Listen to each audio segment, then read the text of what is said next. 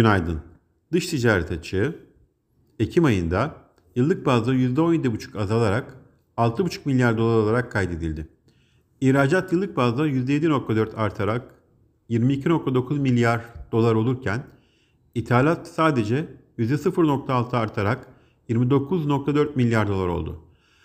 Merkez Bankası Başkanımız Sayın Hafize Gaye Erkan, enflasyonun ana eğiliminde gerileme başladığını belirtti. Erkan, TL geçiş zamanının geldiğini belirterek TL tasarruf araçlarına ve vadeli mevduata talebin arttığını kaydetti.